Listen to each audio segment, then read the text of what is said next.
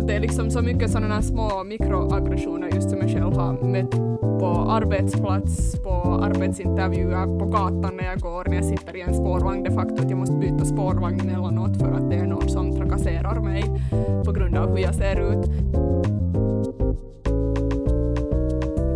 Hej!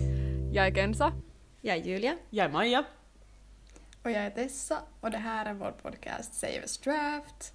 Vår podcast alltså handlar om låtskrivning och det är en sån podcast där vi alla ska skriva en låt på basen av ett tema som vi har valt ut och varje månad har vi ett annat tema. Mm. Och den här månaden är vårt tema att skriva om någon känsla som vi ofta inte skriver om eller ofta inte känner. Och det är alltså mitt avsnitt, jag är Tessa. Och ja, ska vi genast bara hoppa in och Absolut, börja absolut. tala min låt? Vad heter din- låt? Vad heter din låt? Min låt heter The Lucky One. Uh, vill, Vill du nu berätta vad det är för- är? Ja, varsågod. Uh, Vill du nu redan... Ja, Vänta, alltså det jag, är- kan jag fråga frågan? Jag måste säga först för jag talar samtidigt. Uh, vill du nu redan berätta vad det är för känsla du har skrivit om eller någonting om den här sången mera eller?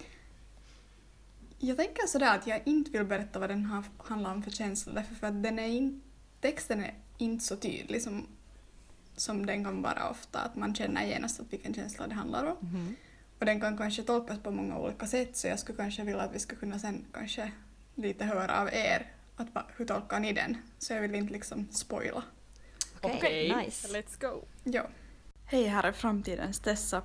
Eh, jag valde alltså då att inte göra en ny inbandning av den här låten utan att ha helt den här originella demon.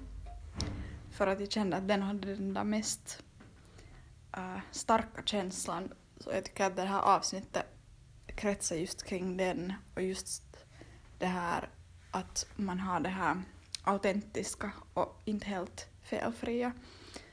Och delvis på grund av tidsbrist men också på grund av att det finns något fint i att ha med en originell, helt originell demo just på grund av också vårt podcastnamn och på grund av min lathet.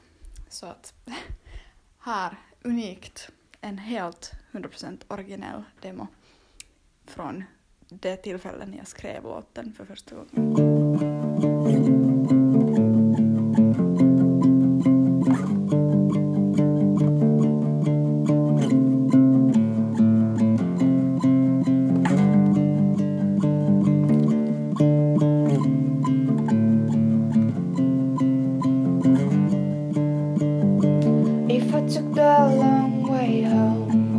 Watching how the shadows form on the snow, in the yellow light that lights up the pavement late at night, it's a feeling I can't shake. I can't wait to get away. If you know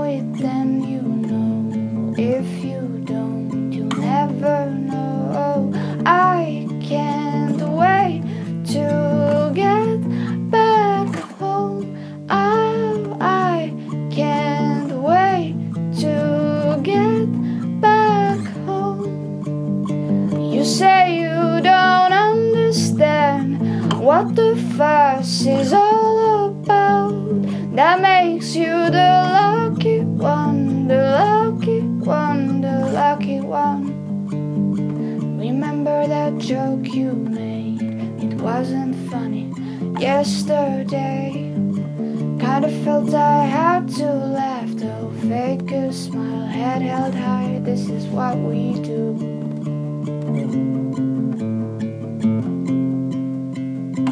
This is what we do. Oh, oh,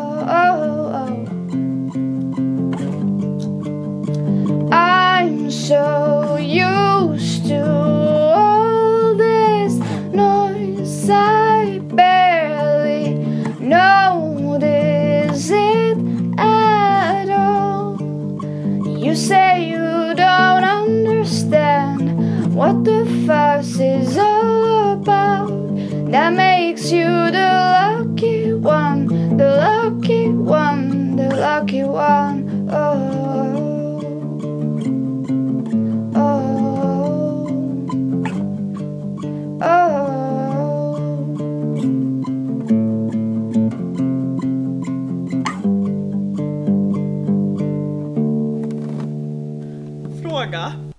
Ursäkta?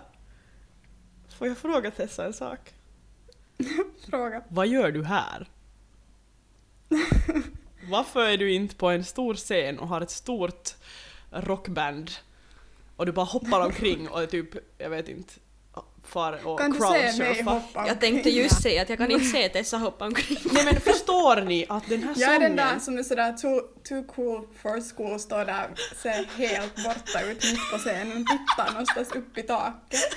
Som om den där publiken Nej, inte du, du, är som, du är som när Julia och jag var och tittade på Ed Sheeran och vi var på det där jätte, jätte massor av människor och han börjar konserten med att Hello, my name is Ed. Och man bara Ja, Oj, vi är här! Är det så? Vem är du? Hej Ed. Så jag kan se Det. Tessa komma på scenen och en tillägnad megastor konsert bara till henne och hon bara Hej, jag är Tessa. Hörni, det är säkert någon sådär tio personers PR PR-team som har varit sådär att hur ska vi få en sån här jordnära brand till vår Ed Sheeran? Att, okej, att, hur ska han öppna sin konsert? Vi säger så här att han ska säga sådär. Hej, jag är...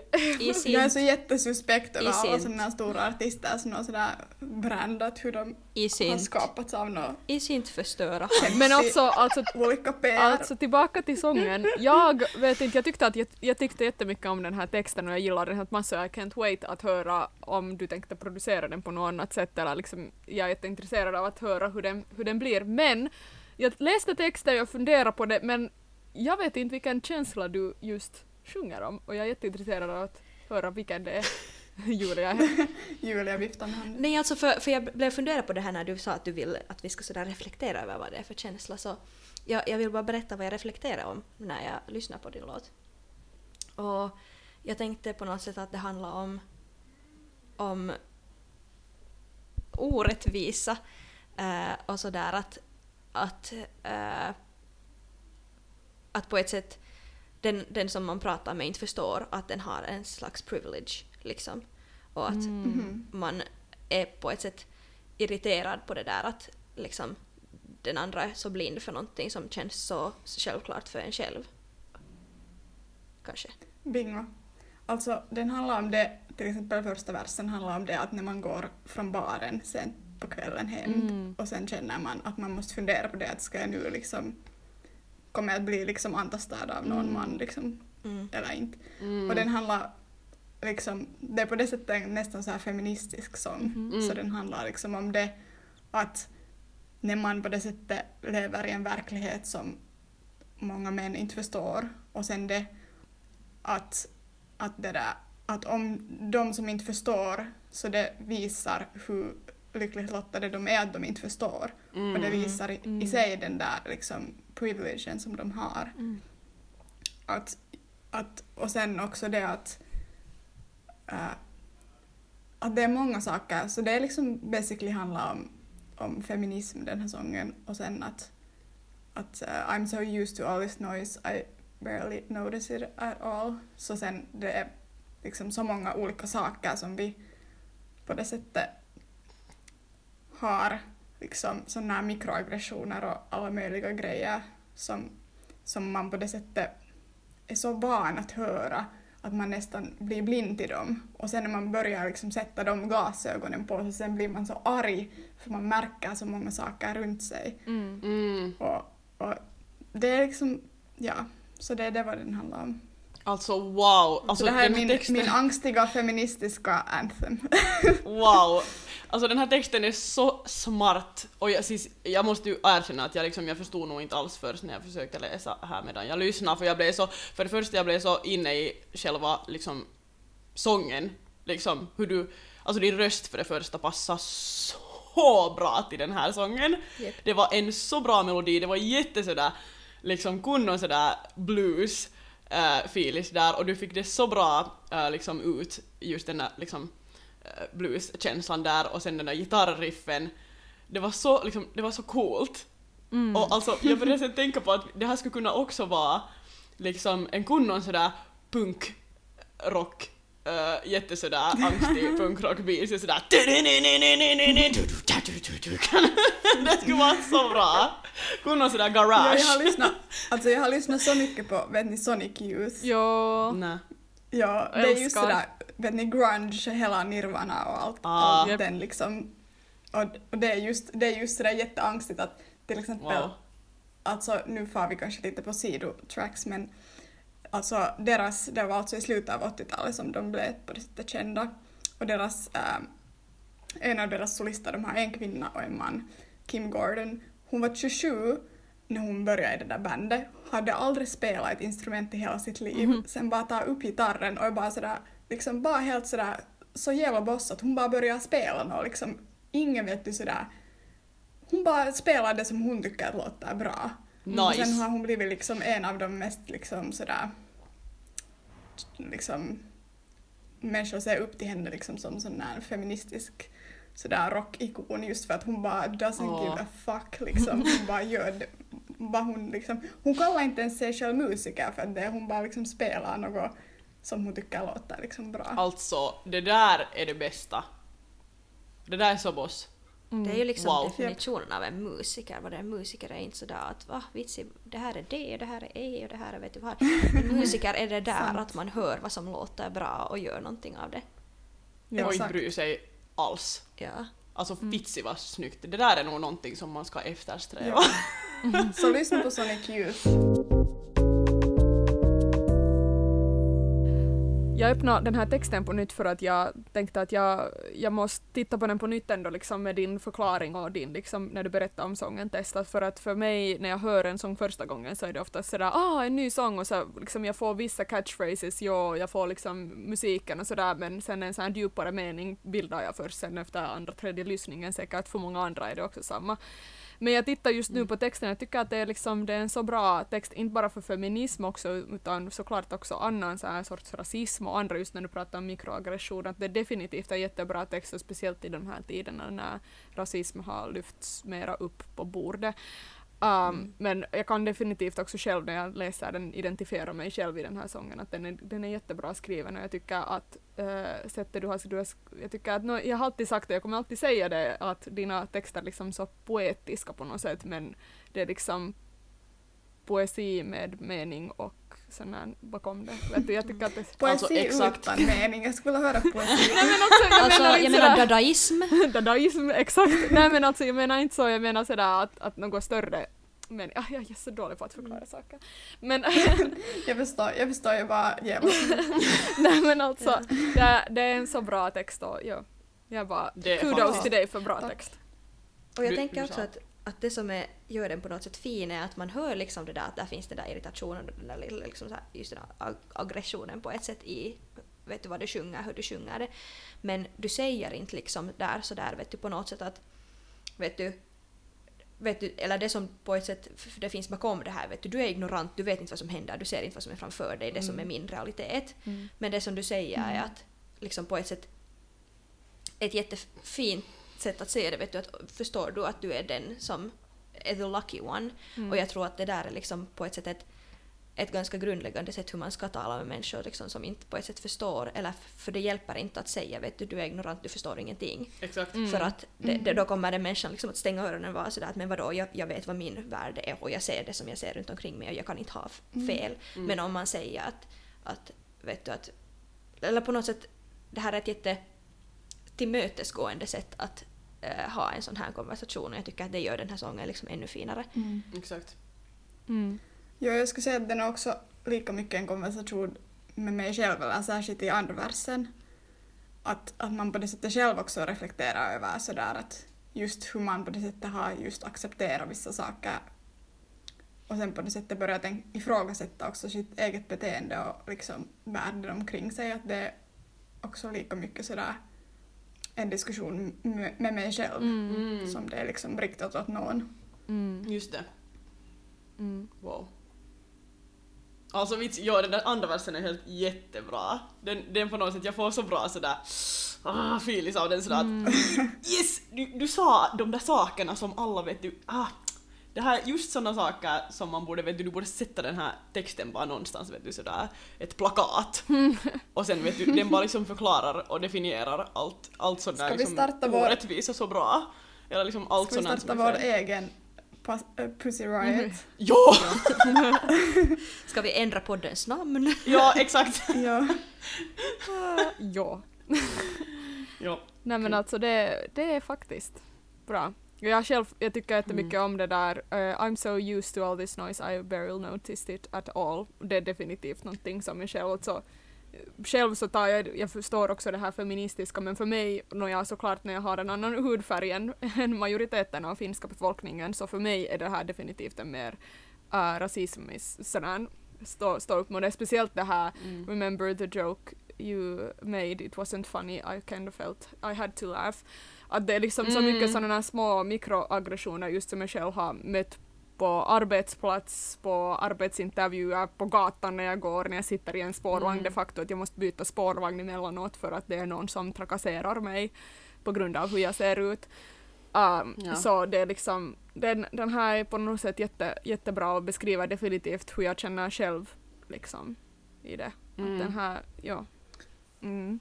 Det gör mig jätteglad också för att det är ju också sådär, om vi nu ska gå in jättemycket på sådär feministisk teori. Let's go! Men sådär, Sociologi, here we go. Japp. Men sådär intersektionalitet i allmänhet sådär att feminism är ju inte bara liksom till för vita kvinnor utan det är ju liksom också för dem som liksom, äh, vad heter det, liksom alla hudfärger, Såklart. alla liksom, Jo, såklart. Om man har funktionsnedsättning, liksom alla de, att det är liksom mera layers till det Mm. än bara liksom att Det här är vara- definitivt en liksom anthem för människor som känner sig diskriminerade eller liksom känner Mm, sig mm. att det inte, de är inte lika värda som andra eller liksom definitivt diskriminerade kanske mera. Så Mm. ja, Mm. jättebra låt. Helt sjukt bra. Och jag tycker också att det här som du sa just med den här andra versen, just med att den där är liksom mera den där konversationen med en själv, Mm. så tycker jag också att den gör den jättemycket mer mänsklig för att jag tycker att oftast när man talar om att vara feminist eller att vara liksom, liksom eh, för jämställdhet i allmänhet så finns det en sån här bild av att man måste vara en jätteperfekt och att veta allting, kunna Mm. allting, agera på precis rätt sätt i alla Mm. situationer. Mm.